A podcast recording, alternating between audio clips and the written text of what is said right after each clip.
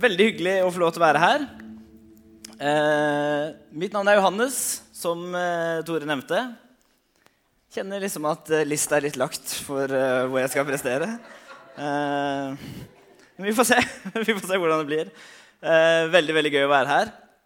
Gøy å være her eh, samtidig som Connect-bandet. Jeg var også på det møtet som de spilte på i går, og da sa jeg til noen av de at det er jo én ting å være skikkelig god, altså i å spille musikk Jeg har ikke peiling, så jeg sier å spille musikk eller å være musikalsk, og det er dere. Det er jo ingen tvil om. Men det er skikkelig tilbedelse òg når dere leder oss i lovsang. Og det er jo det som gjør det så enormt fint.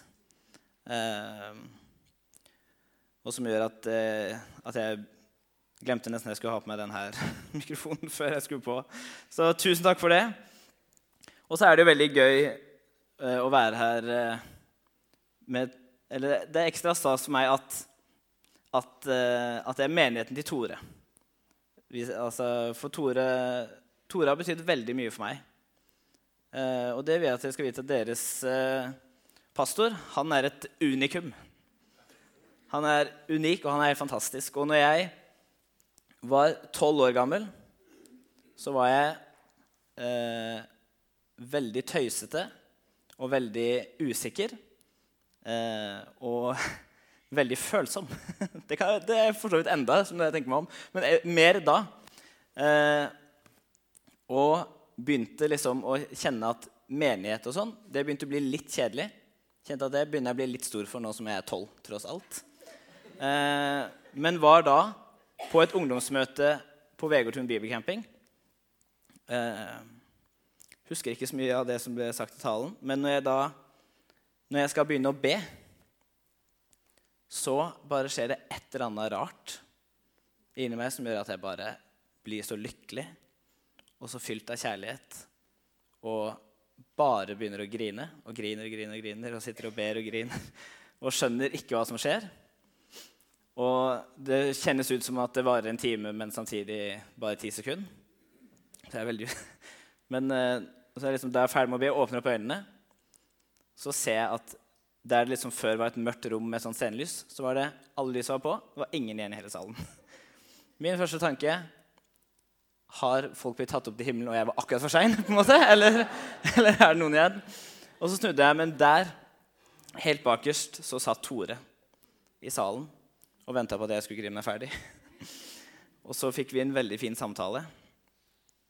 Eh, og han kunne fortelle meg at det var Jesus. Jeg skjønte jo ingenting av hva som var men det var Jesus. Og siden det så har vi hatt et, et veldig spesielt forhold, i hvert fall for min del. Det har vært, ja, så flott. det er jeg veldig glad for. Og, og, hadde det ikke vært for deg, Tore, så hadde jeg ikke begynt på teologi eller begynt som pastor.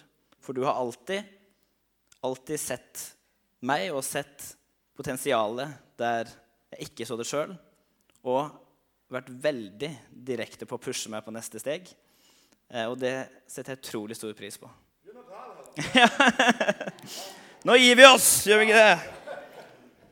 Så vippser du meg penger for at jeg sa det etterpå. Er ikke det fint? Nei, jeg mente det, jeg mente det virkelig. Men nå skal jeg begynne å tale. Før vi begynner å grine hele gjengen. Det er jo ikke noe poeng. Um, uh, og det jeg skal tale om i dag, uh, det er at kraften fullendes i svakhet. Eh, og da mobba de fra Connect meg litt, for de tenkte nå skal vi tale for voksne. Yes, nå skal jeg tale for voksne.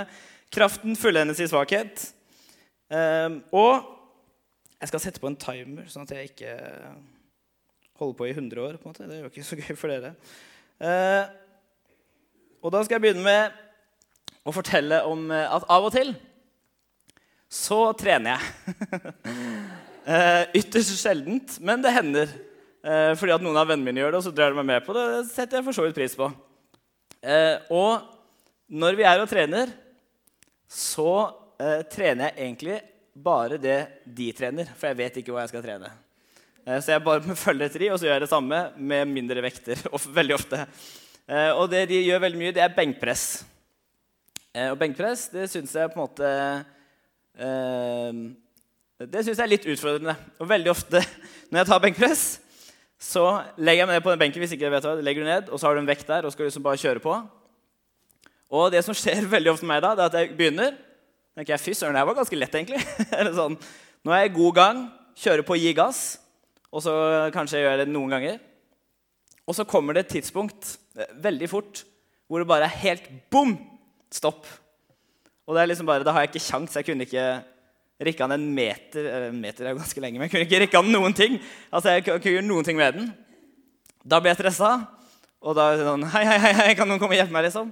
Og blir veldig satt ut. Og det, det skjer hver gang jeg har benkpress. Overlever meg sjøl, gir gass, og så går jeg på en smell. Eh, og det, når jeg tenker meg om, så skjer det ganske ofte i livet mitt òg. At jeg, jeg tror jeg går rundt, og så overvurderer jeg meg sjøl ganske mange ganger. Så gir jeg gass og liksom prøver å få til det. Og vi gjør sånn, så vil jeg være en god kristen, og så vil jeg være en god bror en god venn. Og så holder jeg på masse ting og tenker jeg, det her går jo ganske fint. Og så bom, så kommer liksom et eller annet i fleisen som, inn, får meg til å innse liksom at oi, det går, det, er ikke så bra som jeg av og til lurer meg til å tro. Um, og for meg så er det liksom For meg kan det da være f.eks. at jeg har kjent det siste sånn Ja, nå føler jeg at jeg er en god kristen, har en god relasjon med Gud, og alt sånt her. Og så plutselig tar jeg meg sjøl at Oi, nå baksnakka jeg. For eksempel. Eller så kan det være noe helt annet. bare sånn, Oi, nå gjorde jeg et eller annet som jeg ikke liker at jeg gjør, og som jeg egentlig vet er feil, og som jeg har prøvd mange ganger å skjerpe meg på. Men allikevel så går jeg på samme smellen hver gang. Og da har jeg jo lurt veldig på hva, hva skal jeg gjøre med det, liksom? Og, og, veldig ofte så prøver jeg liksom bare da å skjerpe meg. Jeg tenker jeg må skjerpe meg, liksom. Og typisk nyttårsforsett det er bare å skjerpe seg. Nå skal jeg liksom eh, komme inn i god rutine, slutte med det, begynne med det. alt sånt her. Og så er vi, Nå er vi jo i mars. Da har vi gått på en smell for lengst på de aller fleste nyttårsforsettene. Og så er det sånn hva, Åssen skal jeg gjøre noe med det her? Og jeg tror kanskje at uh, Bibelen gir oss et lite svar på det. Paulus skriver i 2. Korinterbrev at 'min nåde er nok for deg', for kraften fullendes i svakhet. Derfor vil jeg helst være stolt av mine svakheter, for at Kristi kraft kan ta bolig i meg kraften fullendes i svakhet. Altså Der hvor jeg er svak, der kommer Gud inn og gjør det fullendt, eller gjør det helt. Og hva betyr egentlig det, da? Liker å stille spørsmål. Hva betyr det, hva betyr det, hva betyr det? Og et uh, bilde som har gjort det lettere, eller som har funka for min del, i hvert fall, det er et bilde fra dyreriket. Og jeg er veldig glad i dyr, og det har jeg vært helt siden jeg var liten. Uh, så hvis det var dyreprogram på TV, liksom Fram med VHS-kassetten, inn, opptak. Og så tok jeg det opp, så på det, og så kunne jeg se på mange ganger. Det gjorde jeg, Og så så jeg alt med kongefamilien. Gjorde akkurat det samme. Elsker kongefamilien. Så hjemme så har jeg sånne svære, det, sant? Det er sånne svære liksom, rader hvor det står 'Kongefamilien, kong Haralds bursdag' det, det, det. Og så plutselig eh, 'Villdyr i Afrika'. og så er det nedover her, og det er liksom dronningen og alt sånt her. Eh, jeg var veldig kul, veldig kul eh, som liten. Eh, og et bilde på det, det er når man Det er denne sommerfuglen. De fleste er jo kjent med sommerfuglprosessen. Men jeg skal likevel forklare litt av hva det er som skjer i en sommerfuglprosess. Og så kan det hende at du tenker hvor skal du med det her, men heng med, for jeg tror vi kommer en plass. og det begynner med at det er et egg, og så klekkes det, og så kommer det ut en larve. En sommerfugllarve. Og De er ofte litt ekle, og de er ofte, ofte hårete, og de spiser utrolig mye. Alle som liksom holder på med, som er gartner, og sånn, de vet sikkert sommerfugllarver. Veldig irriterende, for de bare spiser, spiser, spiser. Og det er liksom alt de gjør eh, i liksom starten av livet. De spiser, og så spiser de seg så tjukke at de må bytte skinn for de vil jo ha mer. De kan ikke gi seg og slanke seg sånn som vi. De bare bytter skinn. veldig praktisk. Og så er det mer mat. Og så spiser de masse igjen, og så bytter de skinn, og så mer mat. Og så gjør de det fem ganger. Og da den siste gangen de liksom har bytta skinn for første gang, så bare spiser de og spiser og spiser helt til de blir kjempetrøtte. Det gjør jeg òg når jeg spiser spiser, spiser, så jeg skjønner det veldig godt. Og så går de opp i et tre, og så eh, legger de seg der for å sove.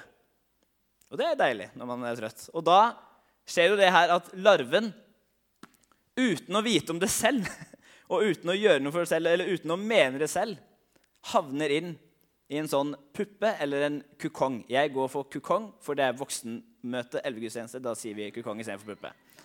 Og de havner inn i en sånn kukong, og der ligger de i 12-14 dager og eh, skjønner ikke hva som skjer. Det, altså, det, er, det er, forskere, så er ikke, jeg vet ikke alt det her, men det er forskere. Eh, og de liker ikke å være i denne her, eh, kukongen, for de vil bare ut igjen og spise mer.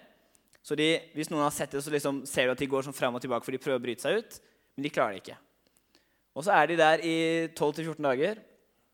Og så skjer det at når den larven er inni den kukongen, så blir de noe helt nytt. Det er ikke sånn at de liksom blir en kulere larve. De har, når de er en larve, så har de 5000 celler inni kroppen. Og når de bryter ut og blir en sommerfugl, så har de 50 000 celler i kroppen. Så det er ikke sånn at de på en måte, ja, fikk noen flere celler. Det blir noe helt, helt nytt. Og så ligger de der inne helt til de har styrken til liksom komme seg ut. Og da blir de en vakker sommerfugl. Og hvis vi skal prøve å sette oss inn i en larves eh, tankegang Som er litt utfordrende. Men se for deg følgende at det er julaften, og du har spist deg dritmett. Og så sover du i to uker og så våkner du, og så har du vinger og kan fly. Altså, De blir litt satt ut, og de skjønner ingenting, og de prøver de her vingene. Og så går de liksom bare helt crazy, for de har samla opp så mye energi, og flyr rundt og sprer pollen. Og har det sikkert helt fantastisk. Og er litt sånn herre Hva skjer nå, liksom? Plutselig kan jeg fly, og hva, hva er greia? Uh, og jeg tenker Det må være en gøy opplevelse å bare plutselig gå fra larve, sove, fly. Det er en fin uh, overgang, tenker jeg. Og veldig ofte, eller Av og til så har jeg hørt andakter om sommerfugler. Og at, at liksom det handler om at ja, vi kan ut uh, og sveve i Guds herlighet og uh, blomstre utover og tjohei. Også fint, men det jeg har lyst til å fokusere litt på, det er hva som skjer i denne kukongen. Hva liksom, der, der blir det jo noe helt nytt. Og en som opplever å gå på en måte fra nesten larve til sommerfugl i menneskeform. Det er en som heter Nikki Cruise. Kan hende at noen av dere har hørt om han før. Uh, han var en uh, Eller han lever enda, men han var han er oppvokst i Puerto Rico på 1950-tallet. Og hadde masse søsken og fikk høre fra mora si på en ukentlig basis at det er ingen som er glad i deg. Hun kalte han et satans barn og de, Det var spesielt en episode hvor de kasta han inn i boden deres for, for, straff bare i noen timer, og så glemte de at han var der. De har ikke merket at han var borte. Og kom liksom etter noen dager og bare Å ja, der var du, ja.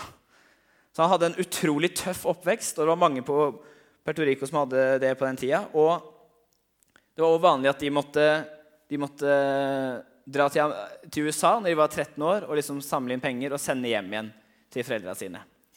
Så Nikki Cruise gjorde det og havner i et veldig tøft gjengmiljø på, i New York på 60-tallet. Og når jeg leser denne boka, her, så gikk jeg i syvende klasse. Uh, og det anbefaler jeg ingen syvende klasse å lese denne boka. Jeg var livredd. jeg var livredd for å liksom bli banka opp av en eller annen. Jeg synes det var kjempeskummelt. Men han, han havner i de her gjengene, og han stiger i gradene, for han er villig til å gjøre hva som helst på en måte, for å få en posisjon og for å få makt. Han dreper masse, og han selger masse dop. Og politiet i New York hadde bestemt seg for at Nikki Cruise han rører vi ikke. Fordi at det kommer til å bli et opprør hvis vi tar han. liksom. Så av og til så gikk Nikki Cruise bare inn på politistasjonen og sto der og gliste liksom, for å bare vise jeg har posisjon her, dere kan ikke røre meg. liksom. Så Han var svær i New York, og han levde et forferdelig liv egentlig, og gjorde veldig mye galt. og og gjorde meg òg redd gjennom å lese det. Men så slutter heldigvis ikke boka der.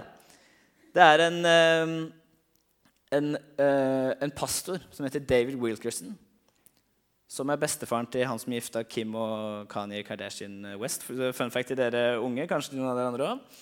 Uh, som bestemmer seg for at jeg må ut i de her gjengmiljøene og forkynne, forkynne, forkynne evangeliet. Og noen reagerer forskjellig på det. Noen bare ler han og går. Noen tar imot. Men Nikki han reagerer på en veldig spesiell måte. Han blir rasende på han her eh, forkynneren som sier 'Jesus elsker deg'. Og han, han, liksom, han sier han kjenner at det reiv inni meg. Liksom. Jeg ble dritsur. Og han har bare, han har bare lyst til å banke han opp. Han sier, 'Hvis du sier det en gang til, så banker jeg det', liksom. Så, ja, men Jesus elsker deg ikke. At du vet ikke hvem jeg er. Jeg, hvis jeg banker deg, så er det ikke sånn der, du får ikke et klaps, liksom. Jeg banker deg skikkelig. Ja, Jesus elsker deg fortsatt ikke. Hvis du sier det en gang til, så dreper jeg deg. Ja, Jesus elsker deg allikevel ikke. Slutt å si det. Hvis du sier det en gang til, så kutter jeg det opp i tusen biter. Ja, hver eneste bit kommer til å rope ut til deg, Nikki. Jesus elsker deg. Jesus elsker deg, Nikki. Og det, det, klikker helt for Nikki Cruise, og han løper hjem. Og På vei hjem så banker han opp til tilfeldige folk, og han raserer hele rommet sitt. Og og han liksom skjønner ikke hva er som skjer inni meg nå. Og når han skriver om det i boka, så innser han at det, den gangen er første gangen i hele livet hans at han opplever kjærlighet. Det er første gangen at han liksom opplever at noen er glad i ham. Og han skjønner ikke hvordan han skal håndtere det, så han bare løser med vold. sånn som alltid har gjort. Men så lander det liksom i han etter, eh, etter eh, noen dager. Og så besøker han her pastoren igjen, og så får de snakka litt. Og så får Nikki en total forvandling, og det skriver han om. Så skriver han noe veldig fint om det. Jeg har så mye bo... Der. Og da David Wilkinson har undervist fra eh, bibelteksten hvor det står dersom, dersom noen er i Kristus, da er han en ny skapning. Det gamle er borte, se, det nye er blitt til. Og så skriver Nikki det var fornuftig. For første gang i mitt liv innså jeg at jeg hadde gjort noe fornuftig. Jeg var blitt et nytt menneske. Jeg var Nikki, men likevel var jeg ikke Nikki. Den gamle livsformen var forsvunnet. Det var jeg som var død for det gamle livet. Likevel levde jeg et nytt liv. Lykke, glede, fryd, lettelse, befrielse, frihet underfull frihet. Nikki Cruise han, han opplever at litt, nesten litt sånn over natta så er det noe som forandrer hele livet hans. Og det er Guds kjærlighet som går inn i livet hans og gjør han om til en ny skapning. som Han sier selv. Han kjente at han var Nikki, men samtidig var han ikke Nikki. Han hadde ikke lyst til å banke noen. Han hadde ikke lyst til å drepe han hadde ikke lyst til å liksom, slåss med alle. Han begynte å kjenne på fred, han begynte å kjenne på frihet. Han begynte å kjenne på at han, at han var glad, at han kunne elske noen. Og Nikki Cruise og jeg vi har veldig ulike historier. jeg har ikke vokst opp i, på, i gjengmiljøet i New York, og mamma har sagt nesten for mange ganger at hun er glad i meg. Eh, men det som vi har til felles, det er at, vi, at begge to hadde, måte, har et problem som vi ikke helt klarer å løse. Og Hans problem blir jo litt mer sånn dramatisk for at han løser med vold. og alt sånt her, Men han kjenner at det er noe i meg som jeg ikke får fiksa. Og det problemet kjenner jeg på. At det er ting i meg som jeg ikke får fiksa opp. Uansett hvor mye jeg skjerper meg. Og spesielt når jeg gikk på ungdomsskolen, så hadde jeg en uh, periode hvor jeg hadde ekstremt dårlig selvtillit. Jeg hadde helt elendig selvtillit, og jeg bare likte ingenting med meg sjøl nesten. Og jeg hadde det virkelig ikke godt med meg sjøl. Og jeg var veldig lei av det her og tenkte jeg, jeg vil, dette må jeg gjøre noe med. Liksom. Jeg orker ikke å gå rundt og ha det sånn. Så jeg prøvde jeg liksom å, å liksom, ta meg litt sammen, prøve å tenke litt logisk. Funka ikke. Eh, prøvde å bytte profilbilde på Facebook. Fikk likes. Funka ikke. Prøvde masse sånne forskjellige ting, men ingenting funka. Hørte til og med på leir kristen påskeleir at hvis du hadde dårlig selvtillit, kunne du hver gang du så deg i speilet, kunne du si 'Hei, kjekken'. Og så skulle du liksom få bedre selvtillit av det. Tenkte ja, jeg prøver det. Prøvde. Hei, kjekken. Eneste jeg tenkte, fy søren så dum du ser ut når du står og gjør den bevegelsen der, funka ikke i det hele tatt. Og det merkelige da er at jeg, jeg, prøver jo alt før jeg innser at kanskje jeg skulle, eh, kanskje jeg skulle bedt en bønn eh, til Jesus Kristus, som har vært i hele min, barne, min, hele min oppvekst, om han kan hjelpe meg med det. Og så ber jeg en enkel bønn, og jeg bare sier, 'Jesus, jeg har veldig dårlig selvtillit. Det orker jeg ikke å ha lenger. Kan du være snill å hjelpe meg? Hilsen Johannes. Amen. Og så var jeg ferdig med det. Og det som skjer da, er at uten at jeg kan forklare det, så kjenner jeg at jeg begynner å bli litt trygg på meg sjøl. Veldig spesielt og ikke logisk, men det er bare et eller annet som bare setter seg i magen. På at, vet du hva? Jeg er ikke så verst, egentlig. Jeg trenger Jesus og alt det her, men jeg er søren meg ikke så verst. Og, og det var liksom Det var folk som kommenterte da litt eldre dame i kirka som sa du virker så trygg på deg sjøl. ja. ja, men det er Jesus, vet du, sier jeg da. Og, så, og, og, det var helt fantastisk. Og jeg, og jeg liksom kjente at vet du hva, det funka. Liksom. Der hvor jeg var altfor svak, der kunne jeg bare si til Jesus kan du please hjelpe meg med det her. Og så hørte han meg, og så kom han og hjalp meg. Og så hadde jeg en lignende historie, som på en måte ikke er like koselig, men det var jeg og en kompis som eh, hadde bare for å si det sånn, Vi hadde veldig problemer med en fyr som var veldig snill og veldig hyggelig. Men på en eller annen merkelig grunn så var vi fryktelig utålmodige overfor han. Veldig urettferdig. Og vi snakka om det sjøl òg. At ikke sånn, uansett hva han gjør, så ender vi opp med å irritere oss over det. Og det kan godt hende at dere er gudsfryktige og herlige mennesker dere ikke har hatt det sånn med noen. Det er veldig bra i så fall, Men jeg, vi hadde det skikkelig sånn. Og vi om det. Vet du hva? Vi må skjerpe oss. Ass. For det er jo ikke noe gøy for han. Sånn, vi blir bare sure på han uansett. Og han, mange folk likte han, og alt sånt, han var bare snill. Men vi, det var bare et eller annet der som gjorde at nei, vi takler han liksom bare ikke. Og så sier han kompisen min etter hvert vet du hva, vi må faktisk be om det. Det skal vi be om at han skal bli mindre irriterende? liksom, Er ikke det litt spesielt? nei, nei. nei. Vi må be om at Gud må gi oss litt tålmodighet og litt nåde overfor han fyren her. For vi møtte han veldig ofte, så vi var litt sånn det her trenger vi. Og så gjorde vi det. Og så funka det da òg. Igjen tok det lang tid før det liksom slo meg at kanskje vi skal be. Eller det slo jo ikke meg engang. Det slo kompisen min. Men så funka det. Og så var det sånn Vi ble, eh, ble ikke bestevenner. Men liksom, ja, nå kunne jeg le av noe han sa. Han kunne liksom gjøre ting uten at det irriterte meg over han. Jeg hadde liksom bare eh, altså overbærenhet som eh, altså åndens frukt, overbærenhet overfor ham. Og det var fantastisk å liksom kjenne at det var ingenting jeg gjorde for det. Det var ikke fordi at jeg skjerpa meg.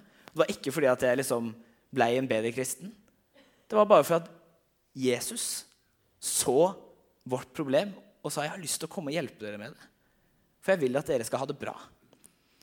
Og en, eh, en som jeg gikk i klasse med på ungdomsskolen, han møtte eh, bare for noen uker siden nå.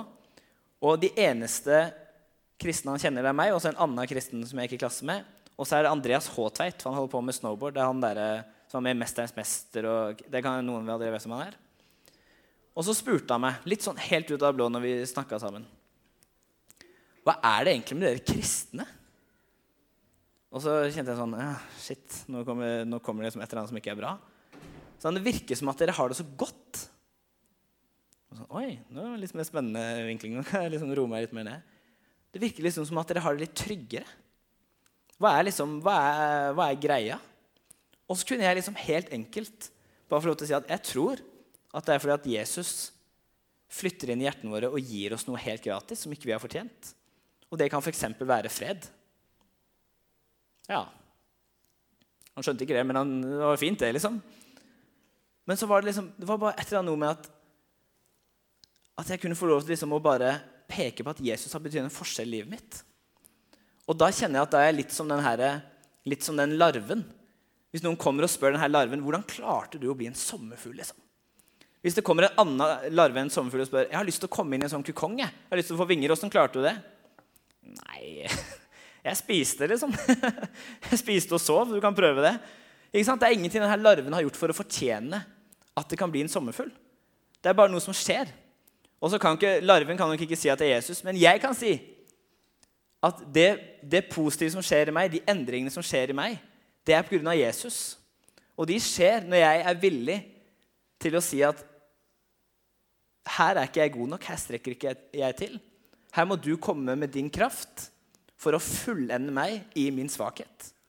Når jeg tør å si det, når jeg tør å si til Jesus at her trenger jeg hjelp Og det kan være med alt forskjellig. Det kan være at du er samme som meg at Kanskje, kanskje du har dårlig selvtillit. Kanskje det er noen som du er veldig utålmodige overfor. Kanskje de til og med bor i samme hus som deg. det kan jo skje av og til det. Kanskje det er en avhengighet av et eller annet. Kanskje at du kjenner at du er urolig. Kanskje det er sånn, Uansett hva det er. Og kanskje du liksom har prøvd å skjerpe deg og skjerpe deg, skjerpe deg å få det til, og så går det ikke. Det har bare lyst til å utfordre deg litt på å tørre å være litt svak. Og si til Jesus at vet du hva, det her takler jeg bare ikke. Jeg får det ikke til. Kan du være snill å komme og hjelpe meg? Og så tror jeg at han har lyst til det. Det kan hende at det er mer utfordrende hvis du sier jeg er svak i fotball, kan du hjelpe meg så jeg kan bli, spille på Odd? liksom. Det kan hende, Eller Pors. Vi spiller på Pors, ikke på Odd. Men Det kan hende at det ikke er det. Men ja, takk skal du ha. Jeg gikk på en smell først der, men det er greit. Um, men så har han lyst til å si ja, jeg har lyst til å hjelpe deg, jeg har lyst til å gi deg fred. Jeg har lyst til å, og at du skal ha det bedre med deg sjøl. At du skal lettere kunne elske andre. Men jeg trenger en invitasjon. Og så sier Bibelen at Gud skal kjempe kampene våre for oss. For et fantastisk løfte. Det står, husker jeg ikke, det står i første Samuelsbok sånt, at Gud kjemper, våre, kjemper, for oss på våre vegne. Kjemper kamper på våre vegne. For et fantastisk løfte. Og så kan vi bare si tusen takk. og så, så står det òg i den sekvensen hvor, hvor Markus skriver om at vi skal være verdens lys, så skriver han slik skal deres lys skinne for menneskene, så de kan se de gode gjerningene dere gjør, og se hvor god du er. Nei. Det var feil. Vi prøver en til. Det er litt sånn søndagsskolen her. Slik skal deres lys skinne for menneskene, så de kan se de gode gjerningene dere gjør, og tenke 'fy søren, han er en skjønn fyr'. Nei, det står ikke det heller. skjønner du. Men vi kan se om kanskje den tredje blir riktig. da. Slik skal deres lys skinne for menneskene, så de kan se de gode gjerningene dere gjør, og prise deres far i himmelen. Hvis, hvis noen spør meg igjen hva er det med dere kristne, så skal ikke jeg svare at det er fordi at vi går i menighet og skjerper oss og er veldig moralsk oppegående mennesker. Jeg skal si at vet du hva? Det er pga. vår Far i himmelen. Det er pga. at Jesus at han er nær hos oss, og han bryr seg om oss. Og han vil hjelpe oss. Sånn at de liksom ikke skal tenke å Johannes er så bra, han får det til. kan jeg si, ja, men jeg er ikke bra. Får ikke til noen ting. At, at jeg står her òg. Jeg er helt avhengig av Jesus' sin hjelp for å stå her. Men min svakhet fullendes i hans kraft. Og når folk kan se det, når folk kan se at Kanskje noen sier det til deg òg. Hva er det med deg? Liksom, du virker så rolig. Eller du virker så glad, eller du virker så trygg. Du sier at ja, men det er pga. Jesus. Jesus har flytta inn i hjertet mitt, og han har lyst til å hjelpe meg. Men da krever det at vi er villige til å stille oss overfor Jesus og si Her er jeg, en svak, liten larve som ikke får til noen ting sjøl. Kan du komme og hjelpe meg? Og Jens Petter Jørgensen har skrevet en bok som heter 'Sterk nok til å være svak'. Og Det er en utrolig bra tittel. For du må være ganske sterk for å være villig til å være svak. Men jeg tror at hvis vi tør å være sterke nok til at Jesus Jeg er så svak at jeg trenger din styrke. Jeg trenger at din kraft må, kan fullende min svakhet. Kan du hjelpe meg? Da tror jeg at han har lyst til det. Og så har han lyst til å hjelpe deg her i dag, og han har lyst til å hjelpe deg hver eneste dag. Og han står med åpne armer og har lyst til å ta den kampen for deg. Han har lyst til å hjelpe deg og gi deg et liv sånn at du kan peke på han med hele livet til å se. Det er derfor jeg har vinger, da, hvis jeg vært en sånn. Det er derfor jeg har vinger, det er derfor jeg har ro, det er derfor jeg har glede, det er derfor jeg har frihet. Det er derfor jeg har trygghet. her er pga. Jesus utgjør en forskjell i mitt liv. Jeg avslutter med å be en bønn. Kjære Jesus, takk for at du er så stor at du er villig til å, til å møte oss der vi er, og møte oss i vår svakhet. Og at du er villig til å, til å komme med din kraft og fullende vår svakhet i din kraft. Jeg bare ber om at du må hjelpe oss med å ha et, ydmykt hjerte overfor deg. Sånn som du sier at Hvis du vil inn i Guds rike, må du bli som et barn. At vi kan få lov til å bli som barn igjen. Og strekke hendene våre opp mot deg og si, 'Jesus, jeg trenger din hjelp. kom og hjelp meg. Vi ber om det i Jesu navn. Amen.